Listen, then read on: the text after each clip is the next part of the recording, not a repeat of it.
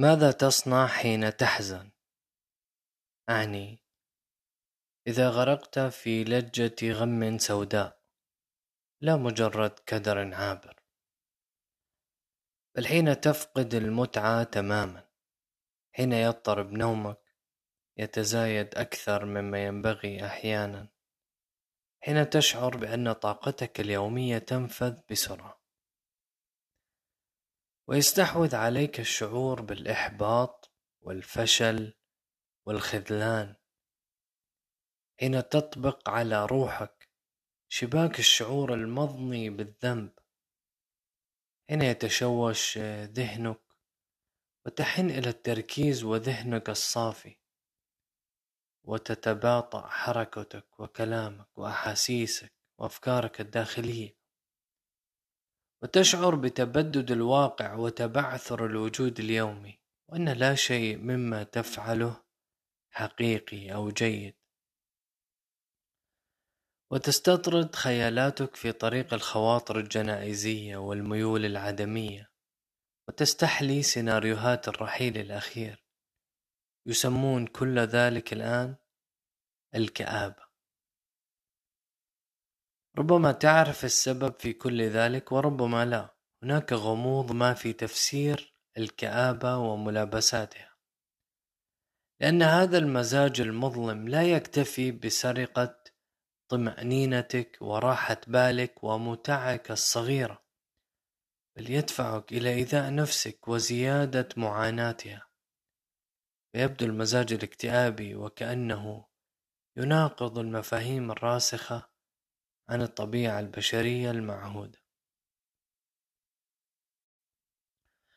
إن كنت كذلك لا قدر الله سيقول لك آيرون بيك وهو معالج نفسي شهير مستلهما الفكرة الرواقية القديمة أن مشكلتك والحدث الذي ولد كل هذا السواد بداخلك ليس هو السبب بل فكرتك عنه هي السبب. فالخلل في أفكارك وخيالاتك المحرفة فالطريقة التي تراقب فيها ذاتك وتوجهها وتطريها وتوبخها وتفسر بها الأحداث وتقوم التوقعات هي العلة الجوهرية لمأساتك الصغيرة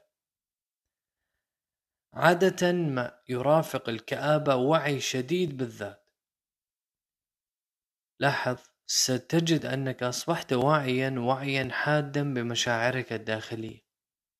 تتأمل بدقة شديدة أفكارك وإدراكاتك اللحظية. وهذه السمة تجدها أيضا في حالات القلق والخوف وغيرها من الاضطرابات الانفعالية. ثم إن هذا الوعي ينتج هو الآخر نوعا خاصا من المعاناة في رأي محللين آخرين. فإن معرفة حقيقة رغباتك واستيعاب أنها غالبا تتوقف على الآخرين وربما تكون محظورة. غالبا ما تكون محظورة. ولابد من تجاوزها تجعلك تندم على هذا الوحي لأنه يفتح جبهة صراع مكلفة في داخلك ويثير كوامن التوتر والانزعاج والخوف من دمامة الباطن. وهو خوف عميق ورئيسي إلى درجة أن آدم فيليبس يزعم أن الرهاب الوحيد هو رهاب معرفة الذات. وهناك احتمالية أيضا لإحباط من نوع آخر فالرقابة الذاتية المفرطة والتدقيق المكثف على الدواخل تفضي بك لاكتشاف حقيقة مزعجة وهي أن الأمر أشبه بتقشير البصلة فمع نزع طبقة تلو أخرى لا تصل إلى شيء. له وجود لذات ثابتة متمركزة هناك في جوف أعماقك. لا وجود لمرتكز يحدد جوهرك. يمكنك الاعتماد عليه. هذه الحالة تجعلك أكثر حساسية وإرهاقا بل إن الإبداع الفني على الأقل كما تزعم المحللة النفسية البريطانية هانا سيغل واستجابة لخواء الاكتئاب وهي تقول أن الإبداع برمته هو إعادة خلق لما كان محبوبا وكاملا غير أنه أضحى مفقودا محطما الآن. محطما وميتا وبلا حب. وعندما يكون أحبابنا أشلاء ونحن أنفسنا عاجزين ويائسين عندئذ لابد من إعادة خلق عالمنا من جديد. وإعادة لملمة النتف وبعث الحياة في الأشلاء الميتة. وإعادة خلق الحياة. وهذا يصح في غير حالات الاكتئاب الحاد والمطبق وإلا فحين يتعذر فعل أي شيء كما يقول الناقد الأمريكي ليون ويسلتر. إن كان بمقدورك الكتابة عن الحطام فذلك يعني عدم اكتمال الحطام. لكن هذه الحساسية الفنية للأسف قد تحجب عنك جوانب رئيسية من خبراتك الجواني جوان جوانية.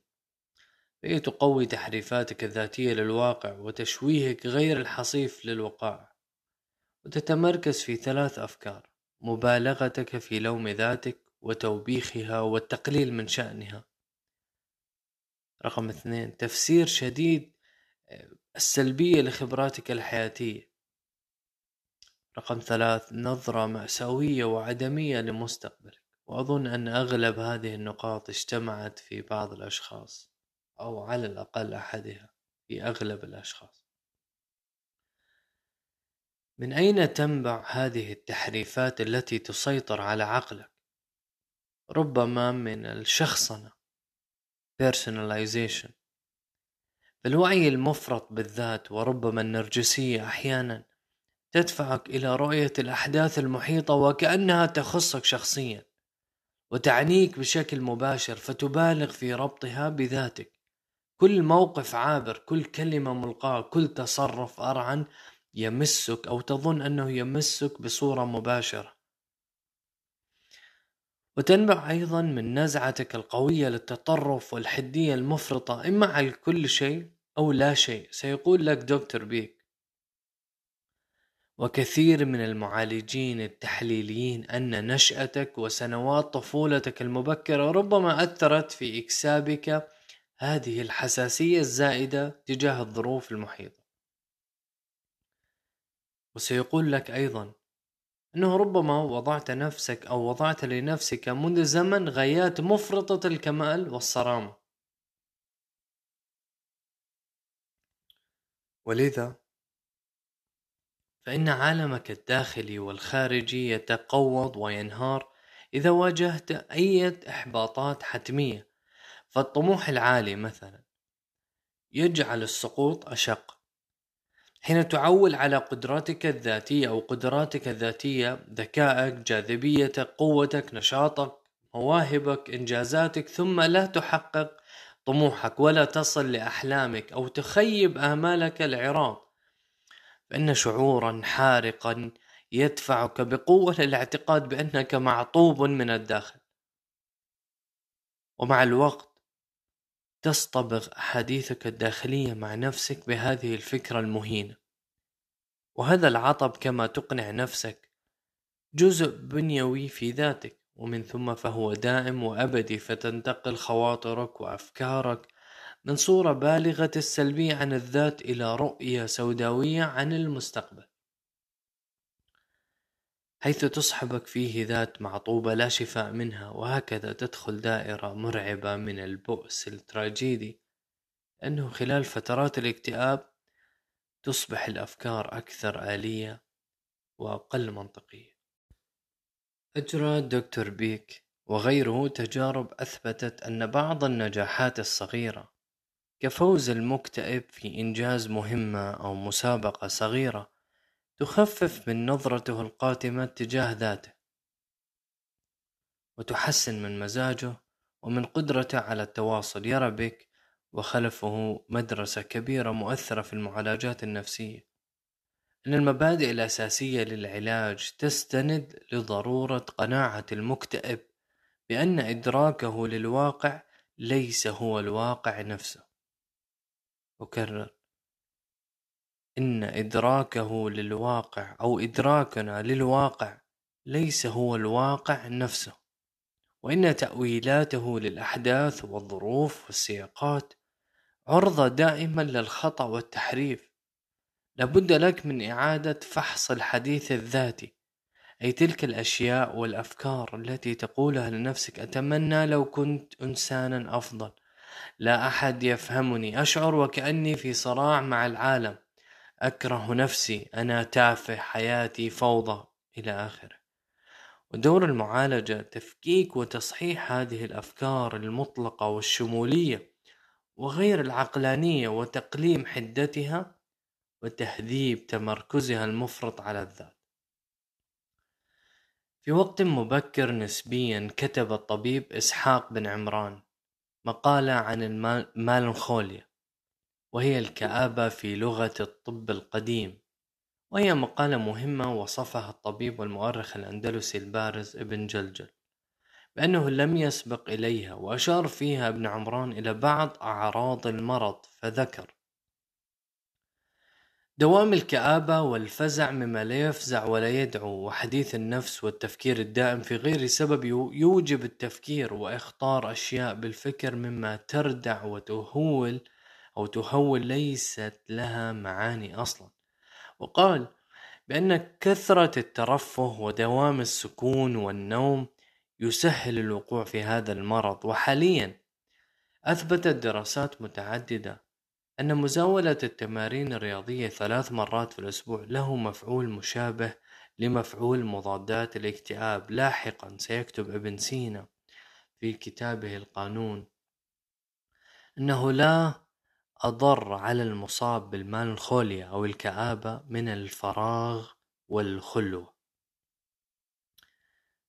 ربما لأن الفراغ والخلوة تزيد من سيطرة الأفكار السوداوية على الذات فالذهن لا يتوقف عن الحركة وإدارة الخواطر وخلوته بها تسمح بتضخمها وتوطنها فالانشغال البدني والانغماس في نشاطات جماعية تقلل من هوس الوعي الذاتي فالذهن حينها ينصرف إلى التفكير بالخارج وبكلام الآخرين وأفعالهم وهذا يفيد المكتئب حتى وإن كره ذلك. وهنا يستحضر أستاذ الوهيبي ثلاث أطروحات تراثية عالجت أزمة الكآبة. واقترحت تقنيات نظرية لمدافعة الأحزان الأولى للكندي يعقوب بن إسحاق الكندي والثانية للعلامة البلخي والثالثة تصنيف العارف المتصوف شهاب الدين السهرودري أو السهروردي أما الكندي فقد صنف رسالة لطيفة بعنوان في الحيلة لدفع الأحزان وبناها على اعتبار أن بنية العالم منقوصة في أصل تكوينها وأن ألم الفقد وفوات المحبوبات إنما هو لأجل الاعتياد لا بسبب طبع ثابت في تكوين الإنسان. وعلى المرء من ثم رياضة نفسه على اعتياد المكروه وفقد المرغوب وعليه تأمل حال السلو عن المفقودات القديمة وأن ذلك حال الخلق كلهم. ثم أشار إلى أن الذات وتوابعها المحبوبة ومقتنياتها المفضلة إنما هي عارية وسأعود لذلك بعد قليل. ثم قصد إلى تفنيد الجزع من فراق العالم والرعب من الموت وأنه ليس بمكروه لما فيه من فضيلة انعدام الآلام. فما دون موت الذات أولى بعدم الجزع. وأما البلخي فقد ذكرت طرفا من أفكاره في مقالة سابق والذي يهمني هنا الإشارة إلى أنه افتتح حديثه عن الكآبة والحزن بالتفريق بين أنواع الأحزان فهو يعالج الحزن الذي يقلق ويعدم الإنسان الصبر. لا مطلق الحزن لأن نفي الحزن من الدنيا تماما مستحيل ولا إلى دفعه سبيل. ومع ذلك فهو يستخدم مفهوم النقص البنيوي للعالم الدنيوي نفسه في تطوير إدراك المكتئب. ويتابع الكندي فيذكر أن نوائب الدنيا مشتركة بين الخلق كلهم. إلى آخر ما ذكر.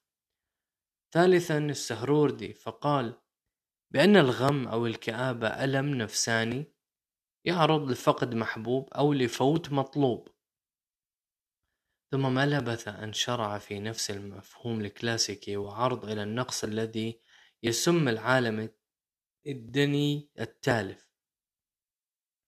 كما يقول وأخذ بالوعظ والقناعة وأن ذلك هو الطريق لكي يستمتع الإنسان بالمدة اليسيرة من عمره.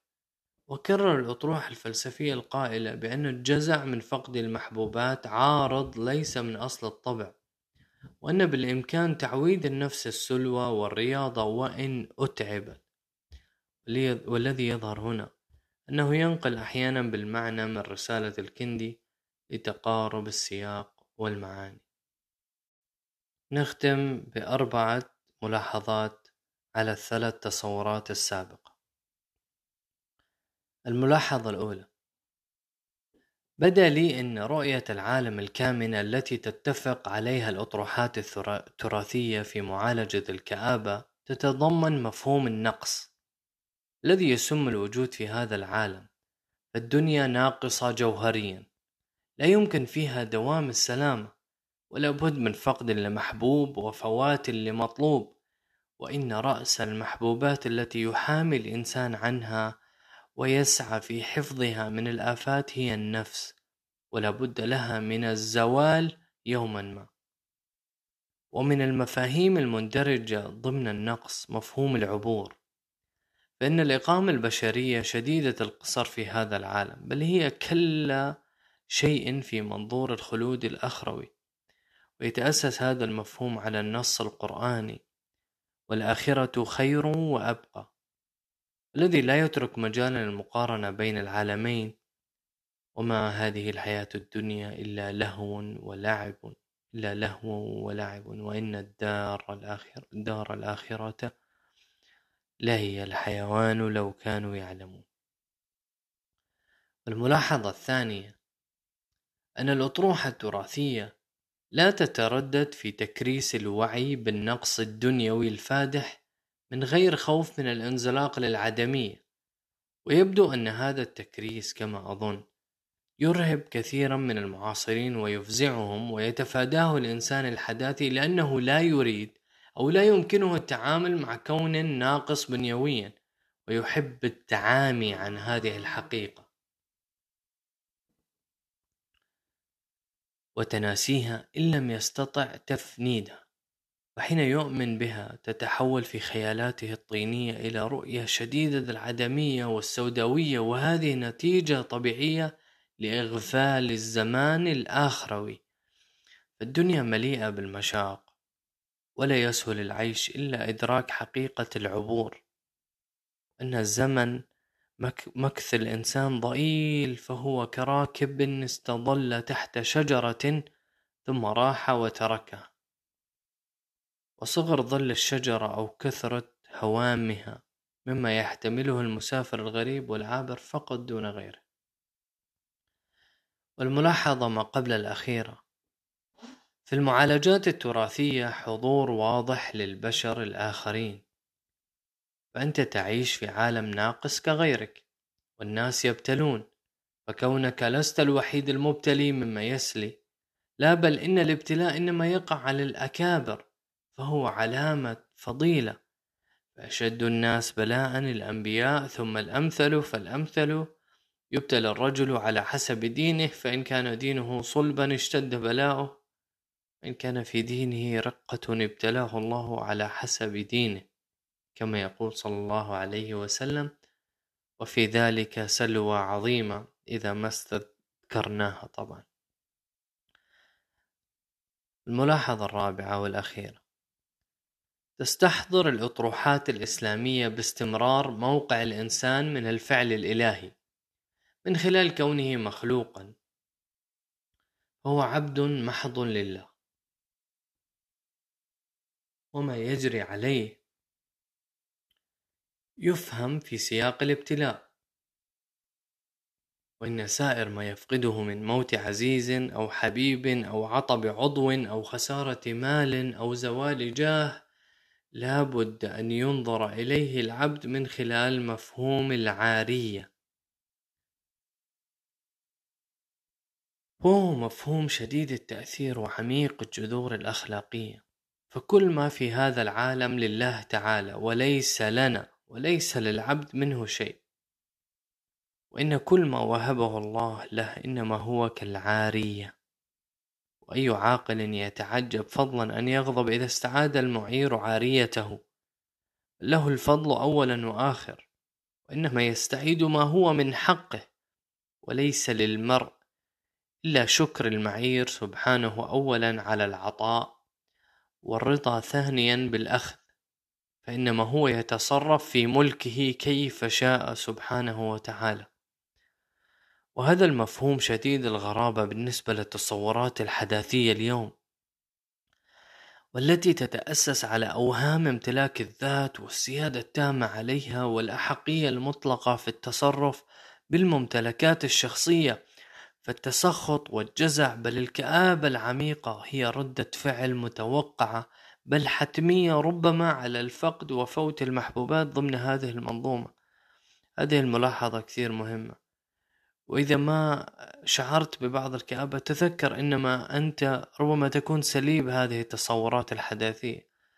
ربما صرت نوعا ما متجه بعيد عن الدين أو بعيد عن التصور الديني إلى التصور الحداثي. الله المستعان. ختاما إن جوهر الأطروحة الإسلامية في معالجة الحزن والكآبة تتركب من مفاهيم النقص البنيوي للعالم الدنيوي والطابع العابر للوجود الآني والتسلي بعموم البلوى والابتلاء والعارية. وربما يظهر التقصي مفاهيم أخرى إلى أني أكتفي بهذه الملاحظات. الله المسؤول أن ينقذ أرواحنا من أسر ارتكاسها في هذا العالم وأن يتغمدها بواسع ألطافه وعظيم رحمته وغفرانه وأن يختم لنا بخير حال. سلام.